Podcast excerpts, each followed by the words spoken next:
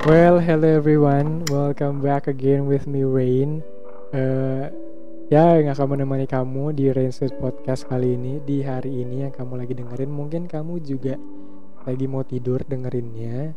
Dan semoga uh, sebelum tidur kamu bisa mendapatkan insight dari si ya dari podcast ini. Gitu. Anyway, di podcast kali ini kita mau bahas tentang pentingnya dana darurat.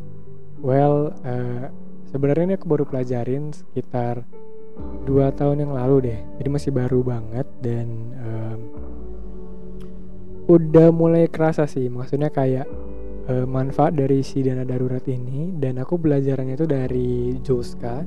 Itu salah satu akun financial advisor dan ada juga dari uh, mungkin dari akunnya Bang Radit juga. Itu aku juga belajar tentang financial advisor di sana eh, maksudnya tentang memanage financial gitu dan uh, aku juga cari-cari dari info yang lain dari web uh, terus juga ada info-info atau podcast yang lain juga. Dan menurutku itu kayak ya it's a free knowledge dan ya kenapa enggak gitu. Nah si dana darurat ini tuh penting banget. Ya namanya juga udah dana darurat jadi penting untuk masa-masa darurat gitu. Kayak dia itu akan membantu kita di saat kita sakit tiba-tiba di saat kita kecelakaan atau misalnya kita tiba-tiba kena PHK ya semua hal-hal yang bersifat darurat ya. Dan aku udah mulai coba nerapinnya kan dari dari dua tahun lalu. Jadi tuh mulai untuk nabung ke maksudnya nabungnya itu untuk ke dana darurat ini ya. Dan itu penting banget. Uh, mungkin buat kamu yang sakit dan gak punya asuransi ya misalnya kayak masuk IGD atau masuk UGD itu kan lumayan ya pengeluarannya. Kayak sekali masuk aja tuh udah bisa satu jutaan lebih gitu untuk biayanya. Kalau misalnya tiba-tiba nggak ada uang ya ya mau bayar pakai apa? Masa bayar pakai daun yang nggak mungkin kan? Dan dijamin juga pakai apa? Dan ribet gitu. Maksudnya kalau nggak ada uang ya I know kayak uang nggak nggak uang bukan segalanya tapi ya kita butuh uang gitu loh. Uh,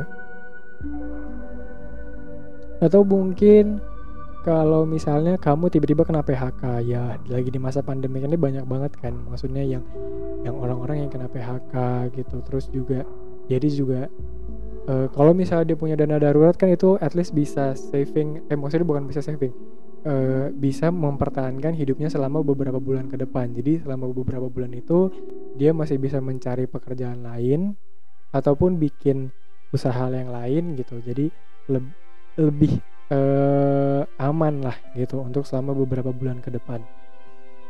Uh, ini tuh penting banget. Kenapa? Karena kamu juga akan merasa lebih secure dan nyaman gitu melakukan berbagai tindakan.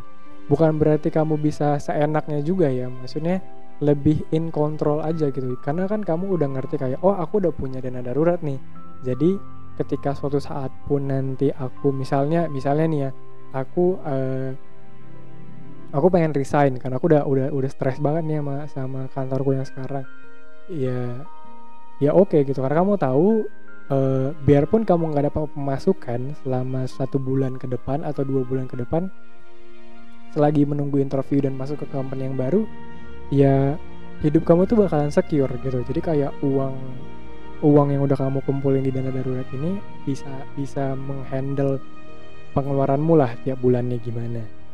Selanjutnya, ketika kamu punya dana darurat, kamu itu nggak perlu berhutang dengan orang lain. Ini nih yang hal yang penting yang ketiga. Terkadang kan kita akan tergoda ya, maksudnya untuk minjem ke orang lain, ke saudara, terus juga pinjem ke teman, sahabat, ataupun kita minjem ke orang tua gitu.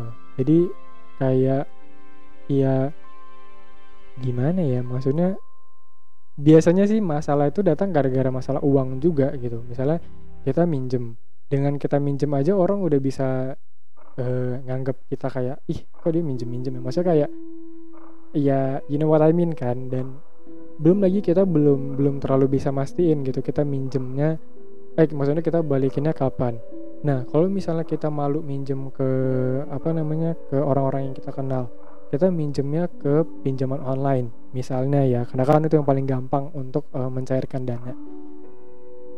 Nah untuk mengembalikannya kan kita juga harus mikirin gitu, gitu ya. Maksudnya kita bi harus bisa ngasih jaminannya ke ke si perusahaannya ini. Dan kalau misalnya kita lupa bayar kan udah banyak tuh pinjaman-pinjaman online yang yang nge WA uh, kontak-kontak yang ada di handphonenya kita saya kira kita malu juga gitu. Akhirnya mereka tahu kalau kita minjem dan kita nggak bisa bayar utang. Ujung-ujungnya kan bikin kamu malu kan? Jadi ya di saatnya kamu benar-benar darurat banget butuh uang kamu nggak perlu harus minjem ke orang lain gitu dan nggak mencoret nama baikmu juga. Ya hmm, kamu bisa mengandalkan uang dana darurat yang kamu punya ini dan daripada kamu bikin masalah dengan orang lain kan mendingan kamu prepare yang uh, sikap preventif seperti ini gitu loh. Jadi kayak hubungan kamu pun dengan orang lain adem ayem dan mungkin bahkan uh, ketika dana daruratmu kelebihan kamu bisa ngasih minjem ke temanmu yang benar membutuhkan gitu. Jadi bukan sekedar minjem atau mungkin kamu ngasih gitu. Jadi kamu yang mendapat berkatnya lagi kan? Gitu. Uh,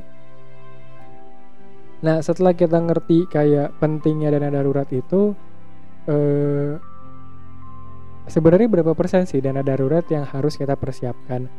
Well, ini itu sebenarnya depend sih. Tapi kalau menurutku at least tiga kali dari pengeluaran bulanan kita. Kalau mau lima atau enam kali juga nggak masalah ya.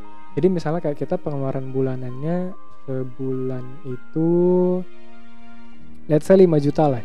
Jadi misalnya kayak untuk kos, belum lagi makan, transportasi, eh, biaya hura-hura maksudnya kayak untuk lifestyle uh, Netflix itu juga termasuk ya uh, kayak biaya bulanannya terus juga internetan biaya kita jajan-jajan boba jajan beli uh, voucher untuk game itu juga termasuk biaya leisure kalian dan ya itu semuanya termasuk biaya bulanan kalian berapa itu semua kalian hitung. Kan tadi contohnya 5 juta.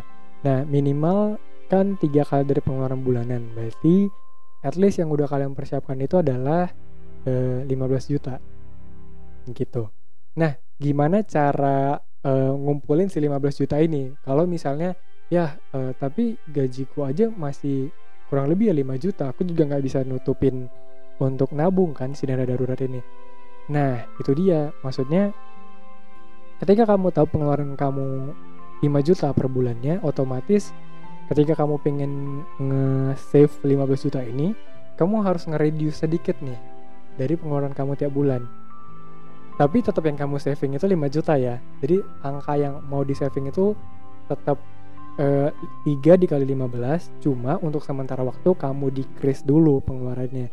Jadi kayak bener-bener cuma untuk kosan cuma untuk makan transportasi. Nah si eh, biaya untuk hura-hura ini hura-hura dikurangin dulu atau mungkin ditiadakan dulu lah gitu. Kalaupun mau main game ya main game yang yang free free aja gitu. Terus kalau misalnya pakai eh, pakai wifi aja gitu. Jadi ya nggak semuanya harus ya pokoknya semuanya dihemat dulu lah. Misalnya kayak dari yang kamu bisa ngeluarin 5 juta per bulannya kamu akhirnya bisa mentok-mentok di 4 juta atau mentok-mentok di tiga setengah juta. Gitu. Mungkin kamu juga uh, memilih cari kosan yang lebih murah. Buat kamu yang juga anak-anak rantau kayak aku gitu. Aku juga uh, cari kosan yang relatif lebih murah gitu dan dan masih layak ya. Maksudnya masih bagus juga. Pasti ada kok. Gitu. Pasti ketemu juga. Dan bahkan aku ketemu ibu kosan yang can you imagine dia itu suka ngasih makanan dia itu suka ngasih kayak apa sih namanya kayak kue kaleng? Itu tuh sering banget dikasih jadi ya biaya jajan-jajanku juga dan karena aku jarang jajan sih sebenarnya jadi kayak ya dapat gratis juga gitu. Maksudnya kayak istilahnya itu udah termasuk aku biaya biaya bulanan juga lah ya gitu. Jadi istilahnya kamu bisa ngurangin biaya bulanan kamu nih uh, untuk saving si dana darurat ini. Jadi kan misalnya kayak jadinya mentok-mentok di tiga setengah juta. Nah satu setengah juta itu kan bisa kamu simpan untuk dana darurat ini.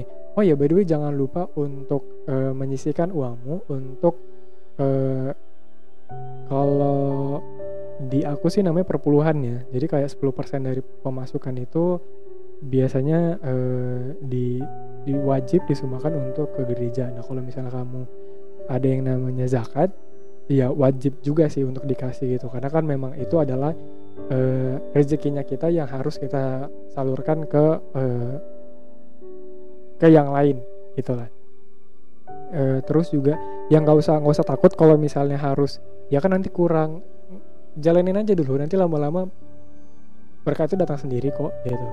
Nah kalau misalnya kalian juga pikir uh, aku nggak bisa nih ngurangin biaya pengeluaran bulananku. Otomatis yang bisa kita lakuin adalah dengan menambah pemasukan. Nah kamu bisa cari uh, pemasukan lain misalnya nih kamu ngebantu temenmu ngerjain sesuatu. Dengan perjanjian ya misalnya kayak aku ngebantu nanti kamu ngasih aku segini ya aku bantuin desain. Atau nggak aku ngebantuin pemasarannya gimana. Atau aku ngebantuin uh, kenalin ke teman-temanku. Jadi kalau misalnya mereka beli aku dapat persenannya ya gitu. Atau mungkin kamu bisa daftar di situs freelance gitu. Jadi kayak ya ada ada pemasukan lain yang bisa membantumu untuk nabung buat si uh, dana darurat ini gitu. Karena tetap kan maksudnya dana yang kita hitung itu adalah tiga kali dari pengeluaran bulanan bukan dari income bulanannya ya ya boleh sih kalau emang kamu mau dari income bulanan. Misalnya income kamu eh, 6 juta.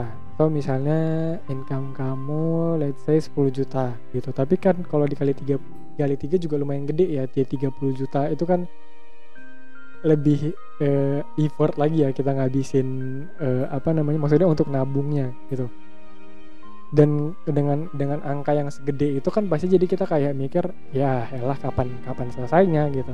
Jadi mendingan buat kamu yang susah banget nih buat buat nyiapin itu mendingan buat uh, diambilnya dari pengeluaran bulanan. Gitu. Nah dengan kamu dapat uh, back again to the topic maksudnya dengan kamu menambah income ini itu kan lumayan membantumu untuk mempercepat saving si dana darurat ini gitu. Nah misalnya kamu udah gue dikumpul-kumpul ternyata dapat sejuta per bulannya. E, ya udah gitu kan itu lumayan buat dikumpul ya. Jadi kayak misalnya kayak tadi kan 5 juta harusnya. Terus akhirnya kamu mentok-mentok di tiga setengah juta. Berarti bisa savingnya satu setengah juta. Nah di satu setengah juta ini ditambah pemasukan yang tadi satu juta, berarti kan dua setengah juta. Nah dua setengah juta per bulan dengan satu setengah juta per bulan otomatis kan lebih cepat sih dua setengah juta ini untuk mencapai 15 juta. Nah enak. Uh, udah mulai dapat kan poinnya. Ya di situ yang yang bener-bener bisa ngebantu kalian untuk menyelesaikan si dana darurat ini gitu. Ada tips juga di sini yang bisa kalian uh, apa namanya uh, gunakan lah gitu supaya si dana darurat ini tuh nggak nggak nggak bocor nih gitu. Jadi eh, kalian bisa misahkan di rekening khusus. Dan yang pastinya rekening ini tuh bisa menghasilkan uang lagi gitu. Jadi ya eh, ya nggak gede banget sih tapi bisa jadi bonus ya. Ya mungkin kamu bisa masukin di deposito untuk yang paling aman dan kamu dapat returnnya itu sekitar 5% dalam setahun jangan lupa dipotong pajak 20% bunganya. Eh, ya itu kan jadi lebih bonus lagi ya. Maksudnya ketika kamu savingnya segitu dalam waktu tiga bulan misalnya kayak lumayan lah dapatnya gitu kan. Dan eh, atau mungkin kamu simpan dalam waktu setahun gitu. Cuma kan dana darurat ini eh, tetap yang harus bisa cash flow-nya itu lebih lebih cepat gitu untuk dicairin. Jadi ketika kamu butuh di saat itu juga dan kalau dicairin ya nggak lama-lama banget. Paling dalam waktu satu atau dua hari udah bisa cair. Gitu. Dan yang terakhir itu kamu juga dua terakhir kamu bisa sering memantau dana darurat yang kamu punya. Jadi itu akan memacu kamu untuk lebih eh, apa namanya lebih semangat lagi. Misalnya kayak tadi 15 juta kan eh, intinya. Kayak eh maksudnya targetnya ya udah udah udah 9 juta nih terus kayak wah tinggal 6 juta lagi nih gitu. Jadi lebih lebih semangat aja sih sebenarnya. Terus juga eh, jangan pernah menunda untuk menabung si dana darurat ini. Karena keuntungan itu enak banget. Kamu bakalan le ngerasa lebih secure nantinya ketika kamu punya uang. Dan e, misalnya gini deh kamu akhirnya udah punya nih 15 juta ini. Nah setelah 15 juta ini dana darurat kamu kan bakalan lebih bebas ya untuk mengalokasikan dananya untuk hal-hal lain. Misalnya kamu pengen e, apa namanya pengen investasi atau misalnya kamu pengen uh, nyim, uh, maksudnya saving untuk beli handphone baru atau misalnya saving untuk beli uh, laptop baru. Dengan adanya si dana darurat ini kamu udah lebih bebas banget nih buat saving ke hal-hal yang lain gitu. Jadi kalaupun kamu nanti ada duit lagi untuk beli barang yang lain ketika kamu pun beli barang itu duit kamu nggak bener-bener habis gitu. Jadi ketika ada hal-hal darurat hal-hal penting ya dananya tetap ada gitu loh. Nah itu dia podcast kita kali ini. Semoga membantu buat teman-teman yang lagi pengen nyiapin dana darurat. Dan thank you for listening Ryan Street Podcast. And see you in the next podcast. Bye